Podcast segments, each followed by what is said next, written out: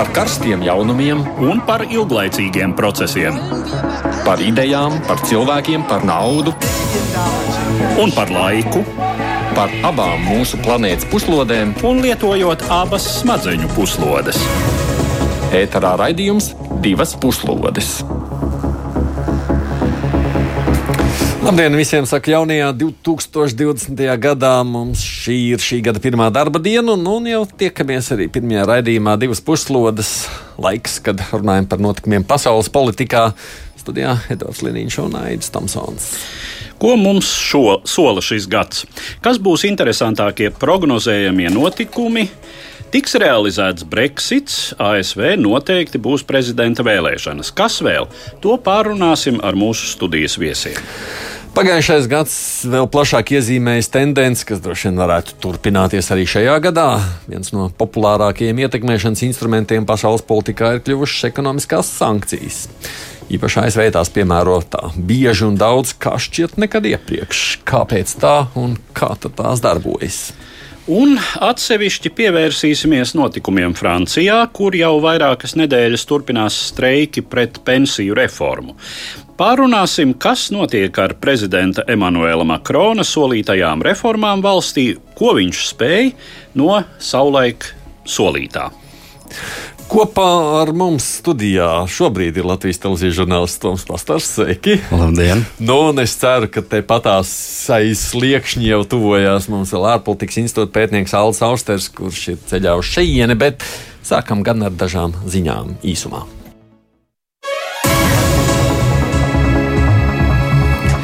Turpinās dramatiskie notikumi Austrālijā, tad, tad, kur milzīgā karstuma dēļ plosās plašie ugunsgrēki. Viens tāds spēcīgi veidzīts ugunsgrēks Viktorijas štatā pilnībā arī atgriez no pārējās pasaules nelielo Malakūtas pilsētiņu, liekot aptuveni 4000 tās iedzīvotājiem meklēt glābiņu jūras krastā vairākas dienas, kamēr varas iestādes var evakuēt viņus pa jūru. Viktorijas štata premjerministrs ir lūdzis Amerikas Savienotajām valstīm un Kanādai palīdzēt ar ugunsdzēsējiem. Štata ārkārtējā situācija dienas komisārs Andriju Krisps atzīst, ka liesmas ir nodarījušas milzīgs postījums īpašumiem visā reģionā. Tikmēr jaunu Dienvidvēlas štatā savaļas ugunsgrēki ir prasījuši vēl divu cilvēku dzīvības, Kabargo pilsētā. Vēl viens tiek uzstīts par pazudušu kopumā, bojāgājušo skaits tikai aug. Situācija abos apdzīvotākajos Austrālijas štatos kopš pirmdienas tiešām krasi pasliktinājis karstums apvienojumā ar spēcīgu vēju un negaisiem. Bēdīgi tā ziņa, ka daudzos nopūstītajos dabas parkos bojā varētu būt gājuši miljoniem dzīvnieku un arī tūkstošiem kolas lāču.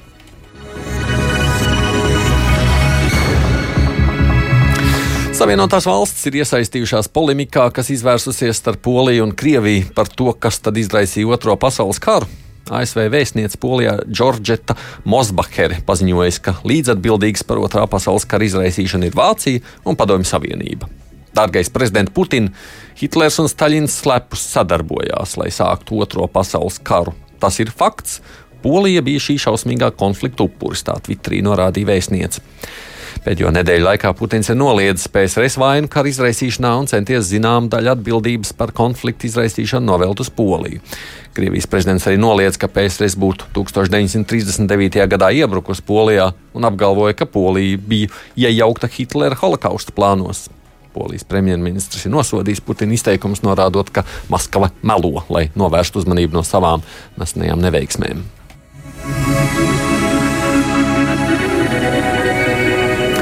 Lai gan Ziemeļkoreja turpina izaicināt pasauli ar rīkotajiem raķešu izmēģinājumiem, situācija Ziemeļkorejas ekonomikā ir drūma. To ir atzinis Ziemeļkorejas līderis Kims Čenuns, sakot, ka nepieciešams steidzami rīkoties, lai stāvokli labotu. Kims Čenuns par to runājis valdošās partijas plēnumā, kas Phenjanā norisinājās vairākas dienas. Interesanti, ka par to arī publiski vēstījusi Ziemeļkorejas oficiālā informācijas aģentūra KCNA. Ir pienācis laiks izlēmīgam pavērsienam valsts ekonomikā, tā Kim teikto atstās šī aģentūra.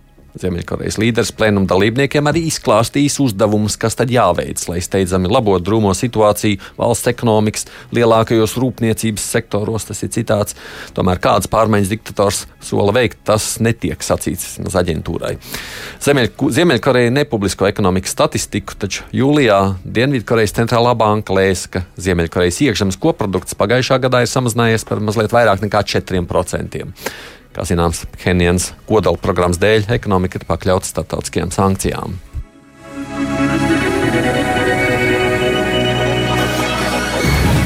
Ķīnas telekomunikācija gigants Huawei ir atzinis, ka ASV sankcijas ir nodarījušas lielāku postu nekā sākotnēji likās. Huawei valdība, vadība vecgada dienā paziņoja, ka šogad tās galvenā prioritāte būs izdzīvošana. Uzņēmums lēš, ka tās pārdošanas ieņēmumi pagājušā gadā gan ir bijuši par apmēram 18% vairāk nekā 2018. gadā, bet ievērojami mazāk par sākotnēji prognozēto apjomu. Jaungada vēstījumā darbiniekiem uzņēmuma vadītājs Eriks Jū paziņoja, ka ASV valdība īsteno strateģisku un ilgtermiņu kampaņu pret šo uzņēmumu, kas radīs izaicinošu vidi Huawei izdzīvošanai un uzplaukumam. Un izdzīvošana būs mūsu pirmā prioritāte 2020. gadā, tā sacīs Jū. Lai gan telekomunikācija eksperti uzskata Huawei par globālu līderi 5G aprīkojuma ražošanā, gan tehnoloģijas, gan cenas ziņā, kompānija ir sastapusies ar šķēršļiem un aizdomām no ASV un arī citu valstu puses tās tuvu attiecību ar Ķīnas valdību dēļ. Vašingtona ir aizliegusi ASV uzņēmumiem pārdot aprīkojumu Huawei, tādējādi arī nobloķējot kompānijas piekļuvu Google operētāju sistēmai Android, un arī citviet pasaulē daudz atsakās no tālākas sadarbības ar Huawei. Un vēl Japānas autobūvas uzņēmuma Nissan bijušais vadītājs Karls Gosns ir aizbēdzis no valsts un atradis patvērumu Libānā. Tie negaidītie notikumi risinājās pirms gadu mijas. Gosns Japānā tiek tiesāts par nodokļu nenomaksu miljoniem eiro apmērā. Viņš bija atbrīvots pēc drošības naudas, un pirmdien kļuva zināms, ka viņš nezināmā veidā pametis Japānu. Medijas saka, pieņēmums, ka Gosens izmantojis viltotus dokumentus. Libāna savukārt paziņoja, ka Beirūtā viņš ieradies likumīgi, tāpēc tur pret viņu nekāda vēršanās nenotiks. Tur viņš ielidojas no Turcijas.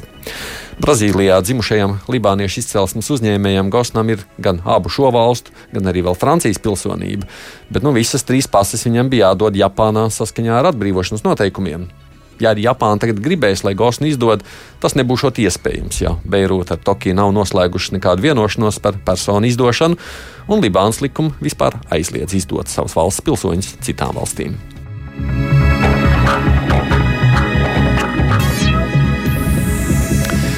Bet nu, tagad par sākumā minētajiem tematiem plašāk, un vispirms par to, kas tad šogad mums solās būt interesantākie notikumi pasaules politikā. Par divu tēmu klātbūtni 2020. gada starptautiskās politikas apskatos mēs varam būt gluži droši. Tajos būs klātesoša Savienoto valstu prezidenta vēlēšana kampaņa un Lielbritānijas izstāšanās no Eiropas Savienības jeb Brexits. Pēc skaita 59. ASV prezidenta vēlēšanas notiks 3. novembrī, un ja vien Donalds Trumps nekļūs par pirmo Baltā nama saimnieku vēsturē, kuru no amata atceļ impeachmenta rezultātā, viņš kā republikāņu partijas kandidāts pretendēs uz pārvēlēšanu otrajam prezidentūras termiņam. Savukārt Demokrātu partijas kandidātu saraksts šīm vēlēšanām ir plašākais pusgadsimta laikā, un tajā joprojām nav iezīmējies viens nepārprotams līderis. Spriežot pēc pašreizējiem aptauju datiem, nopietnākās izredzes cīņā pret Donaldu Trumpu varētu būt bijušajam viceprezidentam Džo Baidenam un senatoram Bērnijam Sandersam. Tāpat aptaujas rāda, ka demokrātu partijai kopumā valstī ir lielāks atbalsts nekā republikāņiem, kas gan, kā zināms, nebūtu negarantē demokrātu kandidātu uzvaru vēlēšanās. Ir visnotaļ ticami, ka arī šī gada novembrī var atkārtoties 2016. gada situācija, kad balsu pārsvars elektoru kolēģijā nes uzvaru Donaldam Trumpam.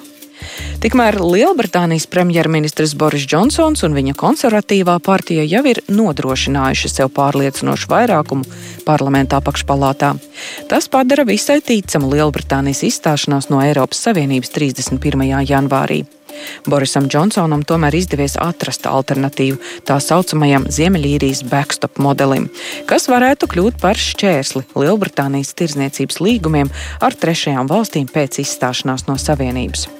Tomēr Džonsona plāns faktiski rada muitas kontrolas robežu starp Ziemeļīriju un pārējo Lielbritāniju, un atklāts paliek jautājums, vai šāds risinājums būs pieņemams konservatīvās partijas deputātu vairākumam.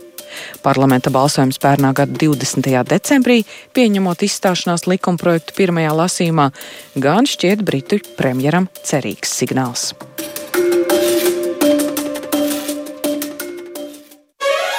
Divas puslodes!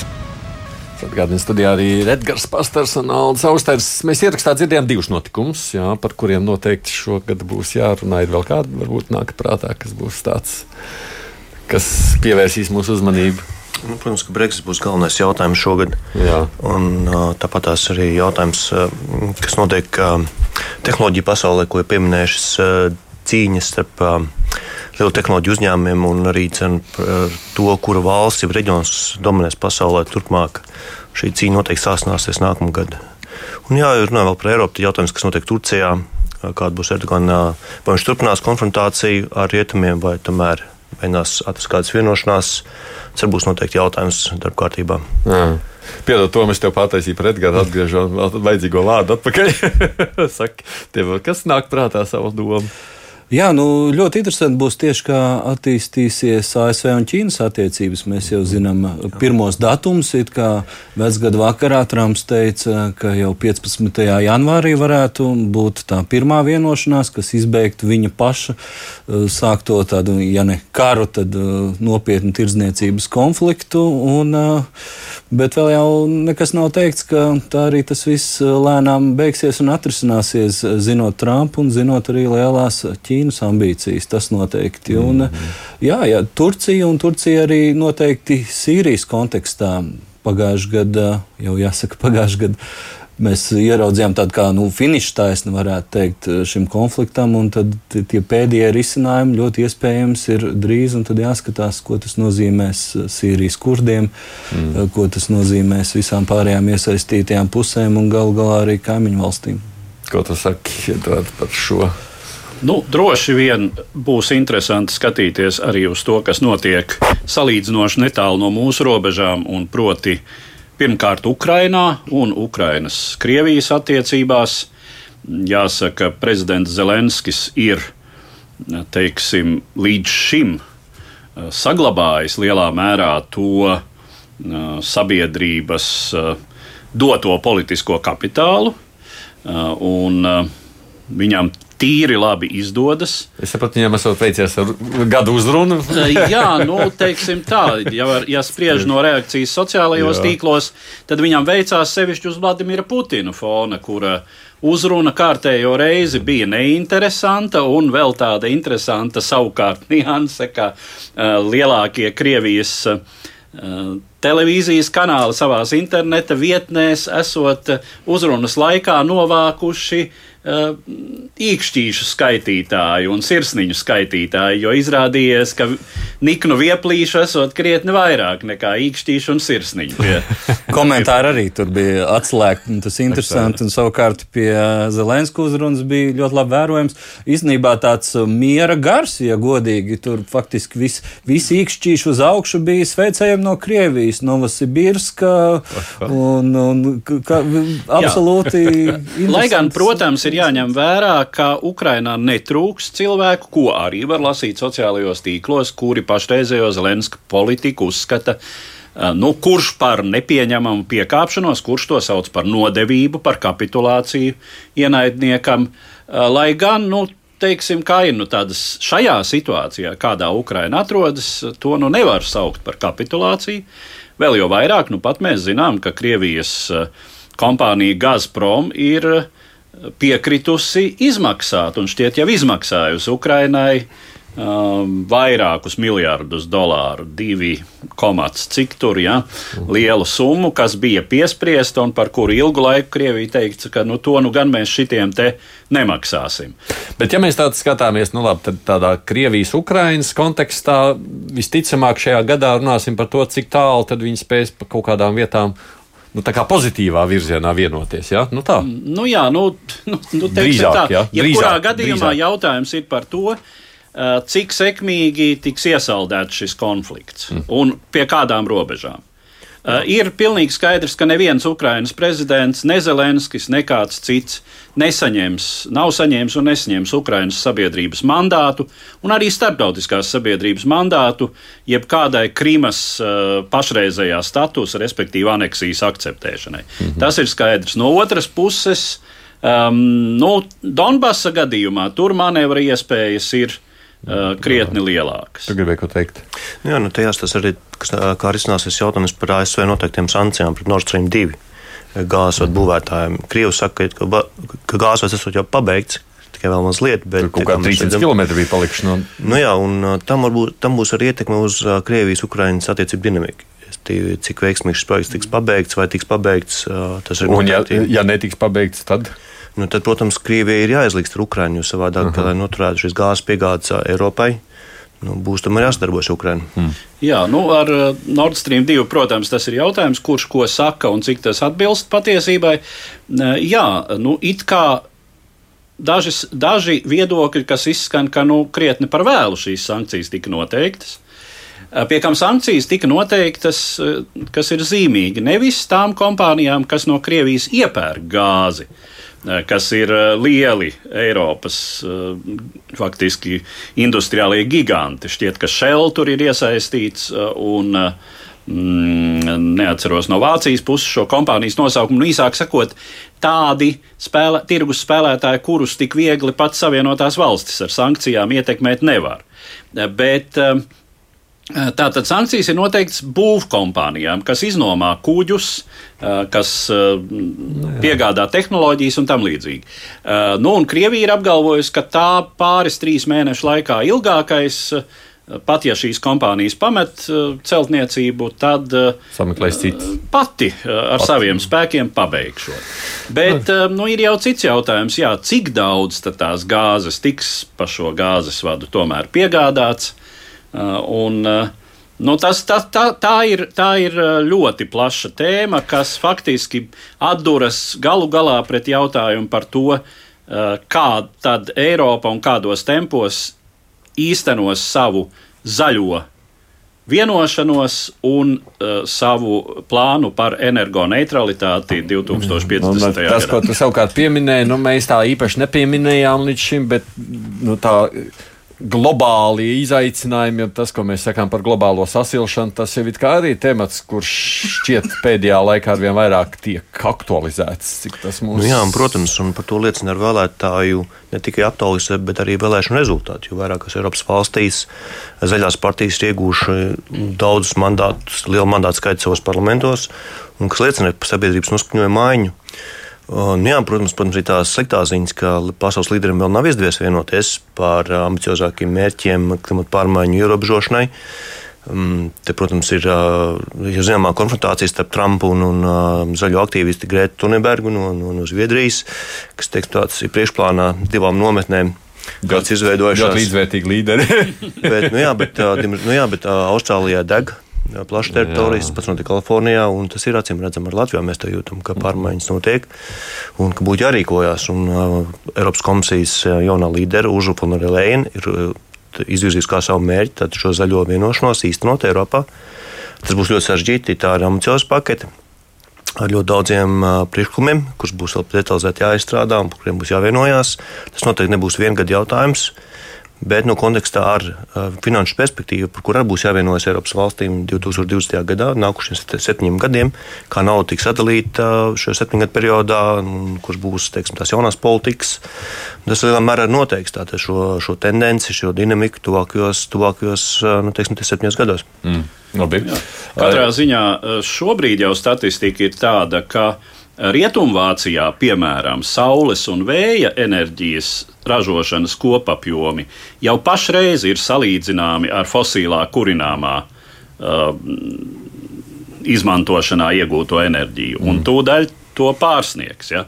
Tā kā, nu, Bet, nu, cik ilgi ir gan smagi tā situācija, jo viņiem joprojām jo ļoti daudz ir zoglēm. Un, Un nes, viņi nevienu mērķi nav izpildījuši noteikti to, kas ir gan CO izmešu ziņā, un, un tur mm. ir lielas diskusijas, un arī kur rast, rast naudu, jo Vācija šobrīd vairāk joprojām domā par to, kā samazināt savus parādus, ne tik daudz, cik investēt uz zaļās tehnoloģijās. Tur ir arī partijas intereses, arī sabiedrība pati sašķelta šajos jautājumos, tur būs arī daudz diskusiju. Tā. Bet, nu, labi, vēl 5 minūtes, tomēr pieminot savukārt tos pirmos divus tematus, kurus jau ierakstā dzirdējām nu, Brexits varētu būt interesantāks par prezidenta vēlēšanām Amerikā. Nu, jācer, ka Brexits nebūs galīgi bēdīgs ja? ne, ne pašai Lielbritānijai, ne Eiropas Savienībai. Nu, pēc mēneša galā... visticamāk tiks realizēts pirmais variants. Pirmais, pirmais variants, jā, bet tur ir otrs zīmīgais datums, kas ir tāds um, ambiciozāks - 31. decembris, kad jau jābūt uh, pārejas perioda beigām, kā teica Boris Džonsons, un to gan ir grūti iedomāties, kā var gada laikā visu uh, sakārtot uh, starp šī tik milzīgu ekonomisko bloku un tik ambiciozu Lielbritāniju. Šis būs, no viņa, šis būs viens no viņa uh, vēl vieniem neizpildītajiem solījumiem. Vai, vai pārceltiem termiņiem. Nu, drīzāk, jā, nu, jā. Nu, tā paša. Nu, jā, tieši, Toms ļoti precīzi aprakstīja situāciju. Tikai lieta būs tāda, ka visticamāk šīs sarunas nebūs tik ļoti interesants, viņas būs ļoti tehniskas.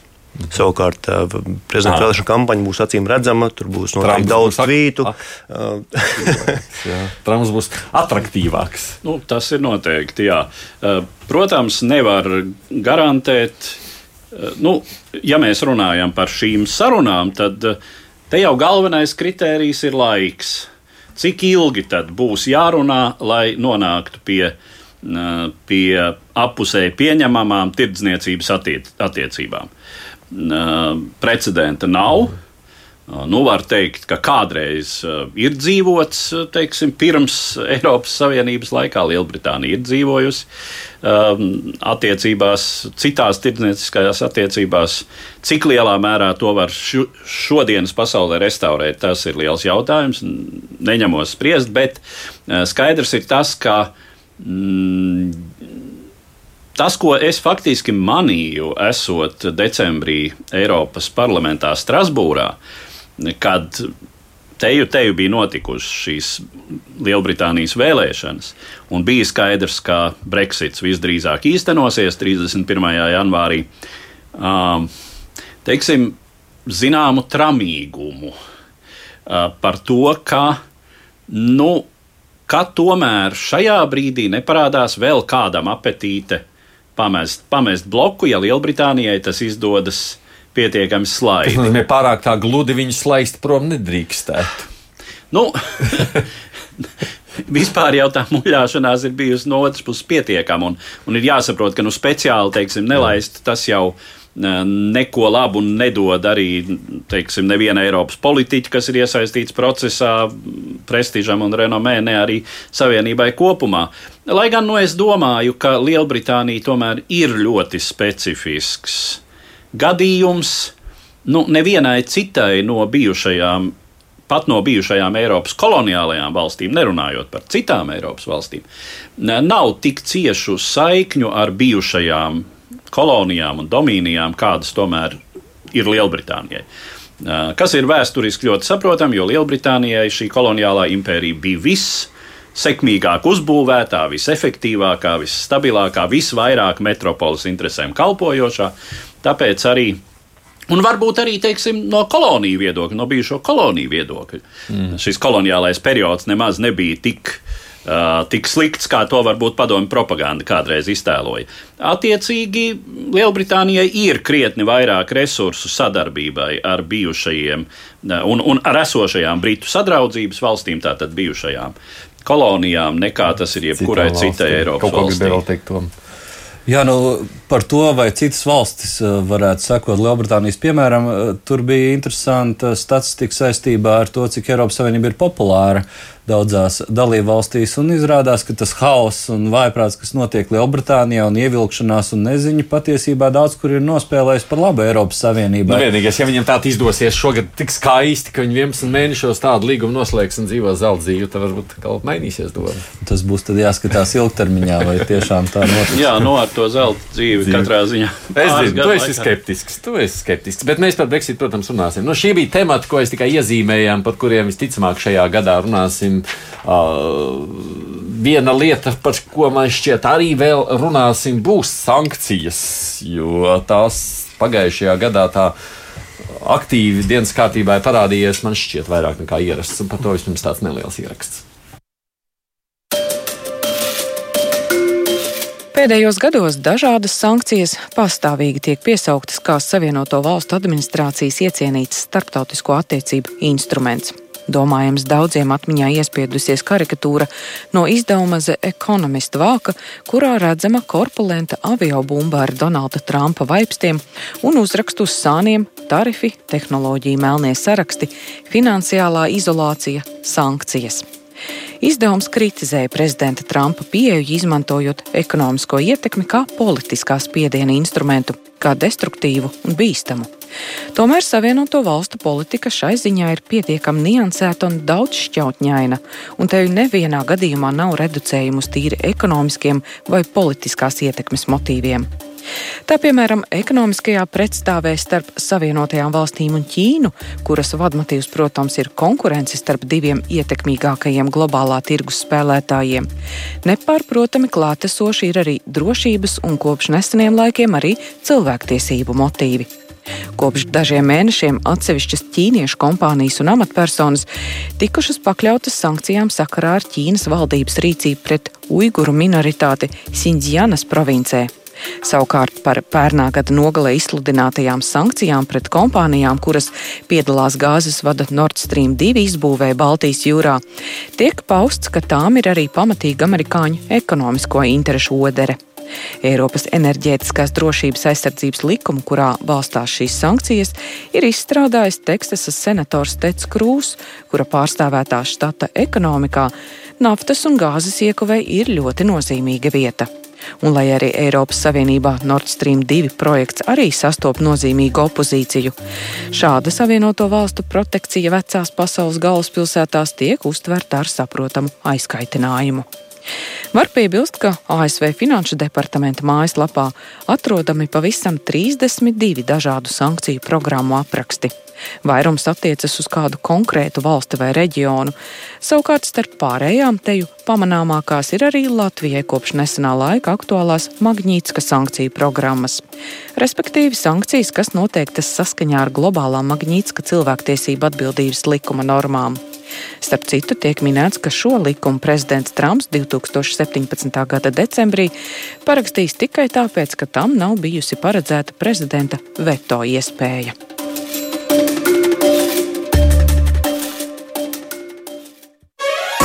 Divas puslodes! Atgādījums studijā kopā ar mums ir ārpolitikas institūta pētnieks Aldis Austers un Latvijas televīzijas žurnālists Toms Pastors, arī mēs ar Eduardu Liniņu.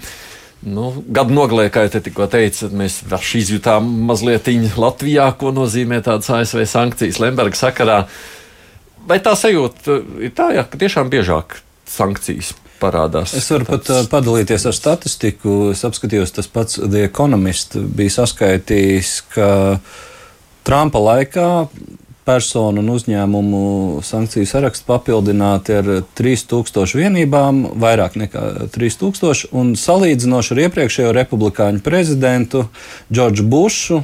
Tūlīt, tūlītām būs pārspēts uh, tas skaits, kas Džordžam Bušam bija astoņos gados. Tā kā tikai ah. trīs gados ah. uh, Trumps jau ir teikt, ielicis uh, savā melnajā sarakstā. Uh, tūlīt pat vairāk cilvēku. Tas ir tāds viņa jājams zirdziņš, ja? Tad tas, tas, tāds, tas par to lietas. Kāpēc Trumpam tik mīļas sankcijas? Tas ir ļoti ietekmīgs instruments. Tiešām, jo Amerika vienmēr līdz šim ir bijusi globalizācija citadela. Viņu teiks, finanšu infrastruktūra bijusi pievilcīga visu pasaulu, pasaules tautsēmniecībām un arī dzen, uzņēmumiem. -hmm. Un ASV bija līdz šim nodošanājuši nediskriminējušu attieksmi, godīgi, taisnīgu attieksmi pret visām kompānijām. Un, uh, tas, ka, ka šobrīd notiek, pārsteidz daudz, jo ASV sāk izmantot šos ekonomiskos resursus, piekļūs, piekļūs atļauju vai liekšanu šai ASV infrastruktūrai, piemēram, norēķinu sistēmām. Nu, ļoti sāpīgi atsaucas uz, uz ne tikai uz šīm pašām kompānijām, bet arī uz pasaules ekonomiku. Un tādā ziņā, jā, šis ir tiešām ļoti asins un ļoti spēcīgs instruments, ko izmanto. Bet nu, jā, tam ir arī sekas, un tas liek domāt arī ka būtu jātīsta alternatīvas sistēmas. Pirmais solis tiks spērts jau Eiropā attiecībā uz norēķinu sistēmas izvietošanu ar Irānu, Instek sistēma.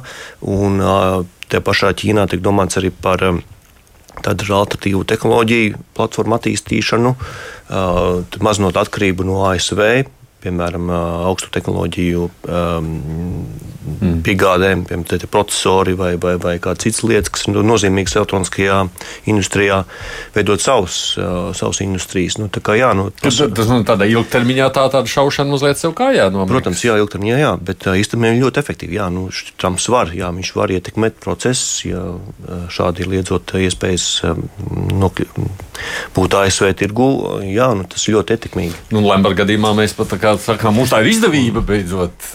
Jā, nu, kā nu kurš to uztver? Eh, Latvijas gadījumā eh, jāsaka, cik nu izdevība, bet katrā ziņā tas liek mums pašiem domāt, kāpēc mēs esam nonākuši eh, sarakstā, kur nu, mēs teiksim, jā, jā. Ar, ar vienu konkrētu uzvārdu, sarakstā, kurā ir kaut kādi kampučijas darboņi un, un nu, kas nu tur vēl Venecuēlas un tam līdzīgi, ja, kuriem uh, ir nepārprotama saistība gan uh, pirmkārt ar cilvēktiesību un arī ar korupcijas jautājumiem. Bet, uh, Runājot par šo politiku, jā, protams, tas visu laiku tiek atzīmēts, ka tā ir, nu, tā ir spēlēšanās ar uguni zināmā mērā. Un, uh, viens arī tāds aspekts, kuru es konkrēti lasīju vienā komentārā, eh, ka mm, nu, Ķīna, eh, kura tomēr savā ekonomikas kapacitātē ir salīdzināma ar Savienotajām valstīm, līdz šim no savas puses eh, šādu pieeju praktiski nav lietojusi. Pret Ķīnu ir bijušas noteiktas diezgan uh, daudz sankcijas eh, nu, vai ierobežojumu un, un pastāvīgi noteikti, kā pret, protams, eh, totalitāru režīmu un potenciāli arī mm, nu, potenciālu pretinieku eh, ne tikai ekonomiski, bet politiski un varbūt pat militāri. Līdz ar to Ķīna ir līdz šim tā, tā kā samierinājusies ar to, ka tā tiek pakļauta sankcijām, bet pati šādus uh, instrumentus nav lietojusi. Nu, līdz salīdzinoši nesenam laikam tai arī nebija šāda iespēja. Ķīnas ekonomika ir uh, globāli ļoti ietekmīga, apmēram 20 gadus maksimums. Ja? Bet tagad Ķīna apzinoties savu ekonomisko spēku un iespējas, nu, kā šai komentārā bija teikts, visdrīzāk varētu mācīties no Savienotajām valstīm. Uh, būdama kā atsevišķa valsts, varbūt pat vienīgā pasaulē, kura, kuras instrumenti varētu būt te jau tikpat iedarbīgi kā Amerikai. Bet pat ja nav iedarbīgi, Krievija taču, nu kas viņi ir salīdzinoši, vai ne? Bet savas sankcijas, kā viņi tur saka, uztaisīja pretsankcijas. Nu, nu jā, bet tur nekad nevar salīdzināt ar Amerikas ietekmi. Jo, piemēram, ASV tiesa ir lēmusi iesaldēt aktīvus pasaulē, kad kompānijai viņai ir iespējas to īstenot. Krievijas tiesai nekad nebūs tāda ietekme, un ar Ķīnas tiesām nebūs vēl ilgstoši tādas ietekmes. Nu, tā ir tā atšķirība starp ASV un starp pārējām pasaules valstīm. Bet kas pārsteidz ASV gadījumā, ir tas, ka viņi tiešām šīs daudzšķautnība. Daudzšķautnība. Domu sapratām, turpināt. jo, jā, jo tur jau kur, kurā kur ir tas teik, pamatojums. Vienu brīdi pamatojums ir lūk, jā, likuma vārds uzturēšana pasaulē. Citu brīdi jūtams vairāk, ka šis ekonomiskās intereses ASV izspēlē šo sankcijas. Mm. Tie motīvi mijās, un viņi ir ļoti daudzpusīgi. Tev vajag grūti nošķirt, kas jā, ir īsti jā, kas. Jā. Jā. Par ko tad? Un tas, protams, arī ir problemātiski, jo, nu, piemēram, Krievija šobrīd ar uh, pilnu pārliecību saka, nu kā, sankcijas pret Nord Stream 2 ir tikai tāpēc, lai amerikāņi varētu pārdot Eiropā savu dārgāko sašķidrināto gāzi, nelaistu tur mūsu lēto dabas gāzi. Ja, un katrā ziņā Krievijas iekšējām tirgum šis vēstījums ir visnotaļ atbilstošs. Nu, Krievijas mm tā Krievijas auditorija, sabiedrības auditorija, ku, ar kuru, kurai tas ir adresēts, visnotaļ tic, ka jā, nu, lūk, anglosakšu sazvērestība, mūžīgā cīņa pret māmuļu Krieviju. Nu, mums jau pat Lemberga gadījumā mēs dzirdējām ļoti līdzīgu retoriku. Nu, jā, nu kā no nu, nacionālās buržuāzijas pārstāvis, kā viņš pats sevi ir pozicionējis, tagad tiek pakļauts koloniālās lielvaras sankcijām. Skaidrs, ka retorika kaut kāda jāturpina. Ir. Bet, uh, un kā tas turpināsies, Tom, tavuprāt?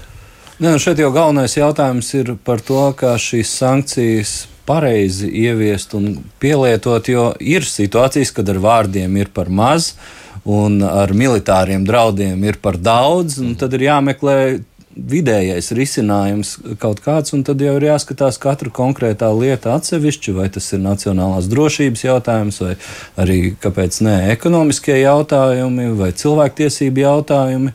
Un, un tas, ka ASV dominēs, izmantojot šo mehānismu, tas ir skaidrs. Eiropas Savienībai un pat ANO ir savi mehānismi, bet, nu, protams, nu, ziņa, galvenās. Jā, ziņa jau arī bija, ka Eiropas Savienība grasās aktīvāk ieviest sankcijas par cilvēktiesību pārkāpumiem. Tā, es arī tādu pamanīju. Nu, faktiski tur jau ir tas jautājums, ka sankcijas pret konkrētām personām arī ir tās efektīvākās.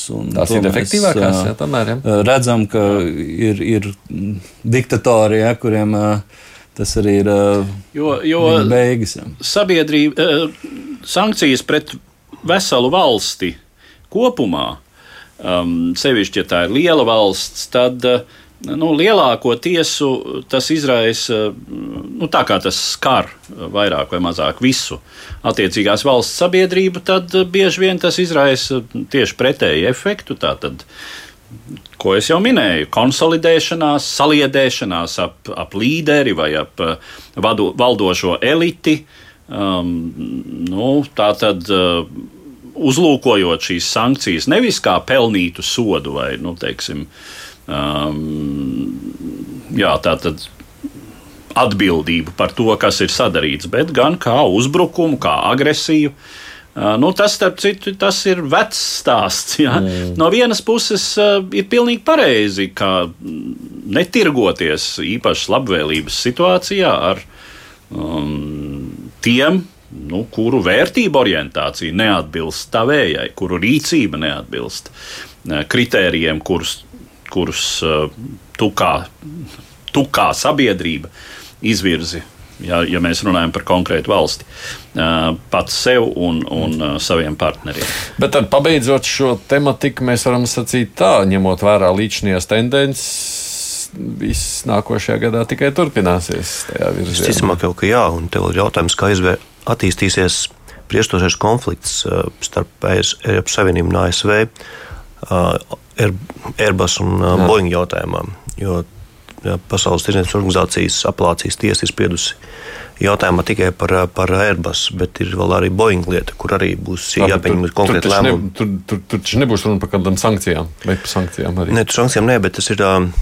Nu, rezultāts būs šā vai tā, tātad tarifi no vienas puses un abām pusēm, vai arī abas puses vienosies, ne, nenozīmē šos tarifus. Mm. Un arī ņemot vērā vispār šo sankciju politiku, tam, tam ir liela ietekme uz pasaules ekonomisko attīstību. Viņa šobrīd ir jau sabremzējusies. Un, principā šķiet, ka turpmāk arī nekāda strauja izrāviena nebūs. Un pastāvošā pasaules tirniecības kārtība ir būtiski mainīsies. Viņa ir šobrīd sabojāta, teiksim, tā salauzta. Un, jautājums, vai nākošais gads iezīmēsies jaunie risinājumi. Gan Pasaules tirniecības organizācijas ietvaros, vai arī divpusējās sarunās. Mm. Bet tas, tā sistēma, kāda pastāvēja līdz šim, ir kļuvusi skaidrs, ka vairs nevarēs turpināt funkcionēt dēļ šīm sankcijām un arī dēļ šiem tirdzniecības konfliktiem, kas ir izveidojušies. Droši vien par sankcijām vēl cilvēki lūkosies, kā beigsies prezidenta vēlēšanas, jo tas jau var varētu tendenci vienā vai otrā virzienā pavērst. Gribam šodien pievērsties vēl vienam tematam, kā jau pieteikumā dzirdējāt. Pasaules mediju uzmanību gadu nogalē daudz sev pievērš Francija ar tās streikiem. Kopš pērnā gada 5. decembra Francijā turpinās streiki. Iemesls ir prezidenta Emanuela Makrona rosinātās pensiju sistēmas reformas, kuras daudzi Francijā uztver kā uzbrukumu pagājušo desmitgažu sociālajiem iekarojumiem. Francijas pensiju sistēma ir ne tikai viena no dāsnākajām pasaulē, bet arī visai komplicēta. Tajā ir paredzēti daudzi un dažādi speciāli pensiju plāni atsevišķu profesiju pārstāvjiem un noteiktu vecumu sasniegušajiem. Eksperti norāda, ka šī sistēma ir novecojusi un konkurēt nespējīga.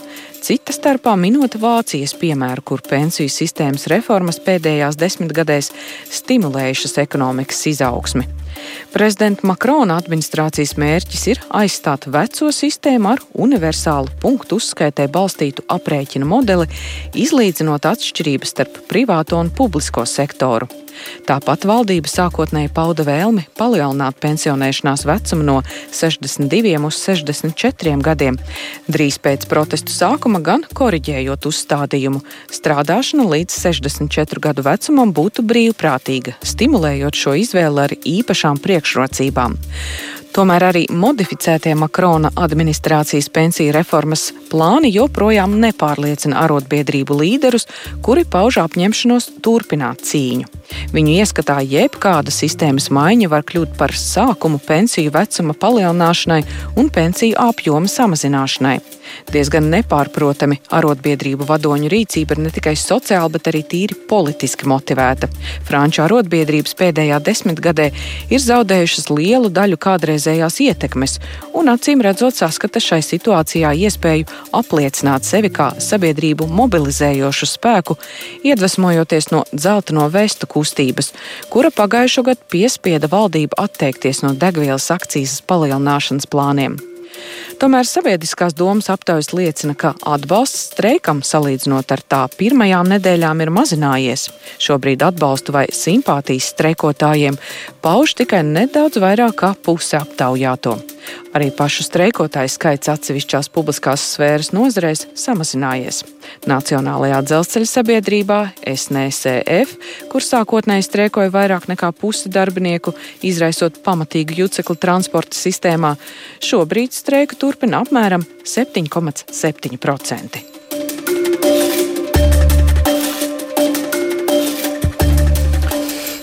Pats par sevi streika jau Francijā taču nekāds pārsteigums nav, vai ne? Tur, man liekas, Nebūtu ne jau. visu laiku streiko. Tur tāda ierasta lieta. Bet, Nu, ne jau Francijā vien.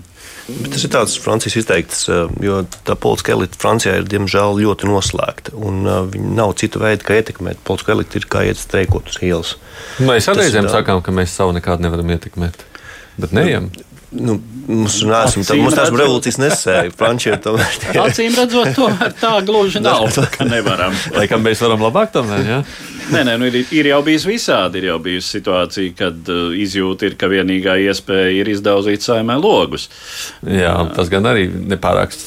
Jā, bet nu, uh, nu, laikam, laikam tomēr uh, nav runa tikai par uh, sabiedrības, uh, respektīvi par, par uh, kaut kādu Iespēja ietekmēt. etnisko, etnisko raksturu, vai, vai nu, ko teiksim, mēs saistām ar ziemeļniecisko lēnīgumu, vēsām asinīm un tam līdzīgi. Tu, tu kaut ko gribi teikt. Nē, nu, revolucionārais furors, ko lai tur dara. Bet runājot arī par revolūcijām, manuprāt, interesantākais fakts. eh, Par šo reformu un to, cik uh, līdzinājā sistēma ir novecojusi, izrādās, ka Parīzes operā ir atsevišķas pensionēšanās privilēģijas, kuras uh, tur eksistē no Luja 14. laikiem. Tā, tā tad uh, vēl pat pirms lielās Franču revolūcijas. tā kā tiešām ambicioza reforma, lai sakārtot šo sistēmu, kurai ir tik sena vēsture. bet prezidents vispār Makrons, atceramies, viņš šķiet ieguva savulaik vēlētāju atbalstu, nākot pie varas. Tieši tāpēc, ka viņš solīja tās reformas, nu vismaz dažādas reformas veikt valstī. Man tā atmiņā ir palicis. uh, bet nu, tas, kā redzi, neliedz citai daļai sabiedrības iet ielās, streikot un tam Jā, līdzīgi. nu viņš ir pieļāvis taktiskas kļūdas, jo viņš sevi ļaus asociēt ar turīgo elites daļu, kuram maz interesē, kas notiek apakšās. Un tas arī atspēlēs viņam šobrīd politiski. Jā, un varbūt daļai Francijas sabiedrības arī um, tas, kas vienai daļai šķiet simpātisks, šis uh, viņa mm, Eiropas līmeņa uzstādījums. Uh, šķiet, savukārt, uh, arī vēl viens motīvs tam, ka lūk, prezidentu maz interesē tas, kas notiek vien, ar vienkāršo Franciju, ar Francijas provinci. Tas bija ļoti spilgts motīvs dzelteno vestu kustībā, runājot tieši par to, uh, kur faktiski bija zināmā mērā arī loģisks kodols, jo patiešām uh, šie degvielas, uh, šīs deg, degvielas akcijas palielinājums vissāpīgāk skartu uh, provincē dzīvojošos, kuriem ir jābrauc liela attāluma ar personisko automašīnu. Nu, jā, bet uh, ja mēs skatāmies no tā visa, ir jau nu, jau kāds laiks, kopš viņš ir pie varas. Ko viņš ir paspējis izdarīt? Diezgan daudz patiesībā. Ir tomēr. Ir, ir, jā, protams, ir izli veikta izglītības sektora reforma. Arī šķiet, valsts pārvaldes pārvaldē viņš veids nozīmīgas reformas. Tā, viņš ir darījis. Tā lieta, ka, tā, ka šī pensiju reforma ir tas sāpīgākais un, un teikam, tas, tas lielākais nu, šī reformas pakete. Un Makrons ir arī paziņojis, ka viņš nepiekāpsies protestētājiem, ka viņš joprojām turēs karogu augšā un ies uz priekšu šīm reformām. Un viņas ir jāveic šīs reformas, jo pārējās Eiropas valstis to jau sen izdarījušas. Lielbritānija to izdarīja jau Tečers laikā. Vācija to izdarīja 90. gados. Francija vienīgā. Un tas tiešām šis pensijas lokus ir pārāk liels uz valsts ekonomiku. Un tas ir sloks nākamajām paudzēm, jo aug valsts parādi, aizņēmumi, kur būs kādam jāatmaksā vēlāk. Un, un tas, protams, nav ilgspējīgi. Bet kā tad iedzīvotāji to tā neuztver vai nesaprot? Iedzīvotāji nu, pirmkārt jau, protams, domā par saviem maciņiem un savām privilēģijām. Un, protams, nu, kā jau pie frančiem, viņiem svarīgs ir šīs lielās vīzijas. Viņi gaida šo lielo vīziju, kas ļaus viņiem, kas viņus aizraus, un kur dēļ viņi būtu gatavi upurēt savus kā daļu no saviem ienākumiem. Nu, Makronam tas nav labi izdevies, jāsaka, godīgi. Tas arī tā lielākā viņa problēma šobrīd. Bet, bet tās reformas ir jāveic par lielām. Nu jā, nu, teiksim, tas tiešām nav viegli piespiest cilvēkus atteikties, lai kāda tā vīzija būtu. Um, nu, man jāsaka, ka ja tā ja domā par mm, vispārējo teiksim, šī brīža Francijas valdības taktiku, nu, tad tur īsti pat kļūdas nevar saskatīt. Jo, nu, nu jā, protams, sākotnēji droši vien tas plāns ir bijis uh, drastiskāks, tātad ar, ar ātrākām pārmaiņām. Tas, kas ir tagad, kā saka, uz galda, ir šķiet, ka pirmie, kurus, ja es pareizi atceros, to chronoloģiju, tad pirmie, kurus šis plāns varētu ietekmēt, ir tie, kas ietu pensijā pēc 17 gadiem. Wow. Jā, jā, tik tālu. 18 gadu pārējais periods. jā, jā, tā tad. Nu, un, pat, un pat tad nav gatavi. Un pat tad nav, nav gatavi, jo nu, acīm redzot, drusku ir izjūta par šo pensiju sistēmu kā par tādu svēto govi, kuru aiztikt nedrīkst. Ne? Iespējams, nezinu, iespējams, ka kādam sociālistu prezidentam tas izdotos vieglāk, lai gan kas zina. Jā.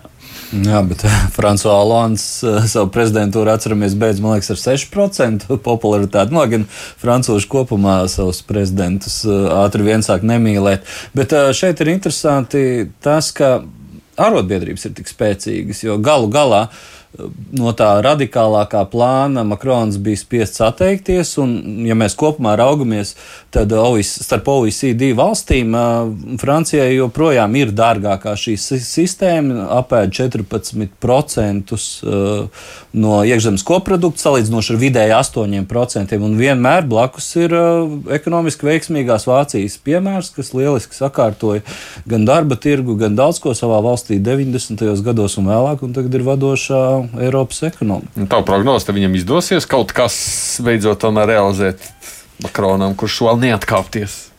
Nu, kaut, kam, kaut kam jau viņam ir jāizdodas. Ja? Citādi, kaut citādi. kam. Nu, es teiktu, izdosies gan, jā, jo šobrīd tie procesi nav tik masīvi, kā jau ziņojāt paši. Tur tikai daži 10% iesaistīti šajos protestos. Protams, viņi, viņi, viņi, viņi, viņi mērķē uz Parīzi, kas, protams, ir metropola un līdz ar to asinsrites centrālā daļa Francijas ekonomikā. Bet tā nav, tā, tas nav masveida protests. Jā. Nu, es pats, starp citu, izjūtu decembrī mazliet šos protestus, kad man nācās nonākt no, nokļūt no Parīzes Strasbūrā. Uh, nezinu, vai, vai man čemodānu pa ceļam pazaudēja Rīgas lidostas operatoru vai vainas dēļ, vai tāpēc, ka zināms hauss arī Šarlotas de Gaulle lidostā. Bet nu, viss beidzās laimīgi. Mans čemodāns četras dienas vēlāk nekā es atgriezās mājās Rīgā. Bet nu, jā, nu, tur, tur bija. Um, jāsaka tā, nu tiešām, ja nestreiko jau visa visa šī, piemēram, dzelzceļa kompānija. Es piedzīvoju pirms kādiem gadiem Vācijā, uh, kad streikoja Vācijas dzelzceļš. Nu, Berlīnē situācija bija krietni saspringtāka. Tur bija tiešām grandiozi transporta sastrēgumi. Uh, bet savukārt.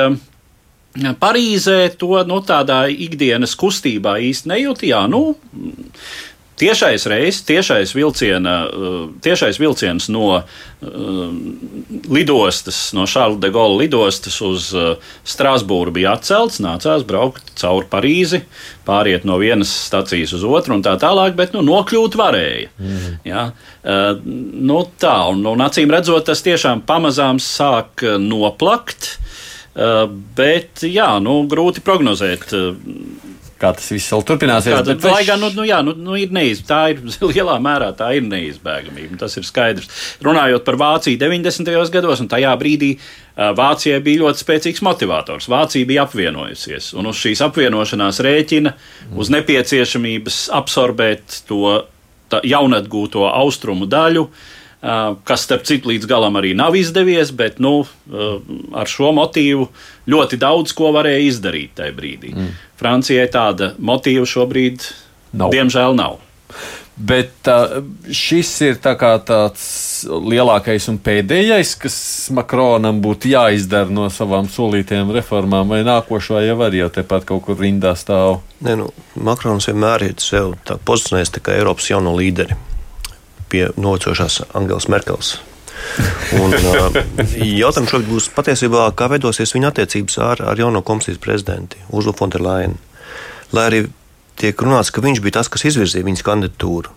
Um, jautājums, vai mm, kā veidosies šo personību attiecības nākotnē, kad būs jārunā par nozīmīgiem jautājumiem, vai to pašu zaļo vienošanos, vai par Eiropas aizsardzības stiprināšanu, ārpolitikas identitātes arī pilnveidošanu. Kurš būs tas īstais līderis? Tagad, kurš būs, vai būs, būs Mistrs Eiropa vai Mrs. Eiropa? Jā, bet tas ir tādā starptautiskā kontekstā. Abu tiekšēji. Nu, iekšēji palielam, es teiktu, ka jā, tā tas, ja viņi vidosies pensijas reformu, tad viņš būs izpildījis būs savu programmu. Jā. Nu jā, un man liekas, ka Makrons arī mācās no savām kļūdām, arī attiecībā uz dzeltenajām vestēm. Tas, ko mēs runājām, eh, ka viņam pārmet šo elitārismu un to, ka viņš ir tālu no tautas, viņš tomēr pēc tam taisīja šīs lielās nacionālās debates, braukāja pa visu valsti apkārt, atvainojās, klausījās, kāds viņš slikts prezidents daudzas stundas.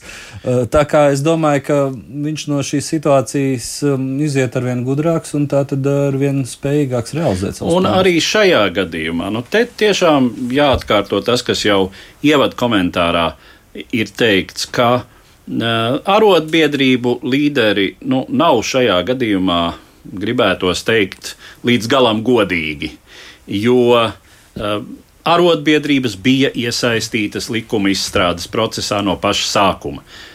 Esot bijis šis tātad partnerības dialogs. Un vienkārši vienā brīdī arotbiedrību līderi ir pielēkuši, var teikt, no sarunu galda un sākuši saukt ļaudis ielās un, un uz streiku komitejām. Nu, tā... Saskatot šeit tiem mazliet jau deficītā esošu politisko kapitālu, ko šeit var iesist. Kad tad ir vēlēšanas? Cik ilgi Makronam ir? Vēl divi gadi. Divi gadi.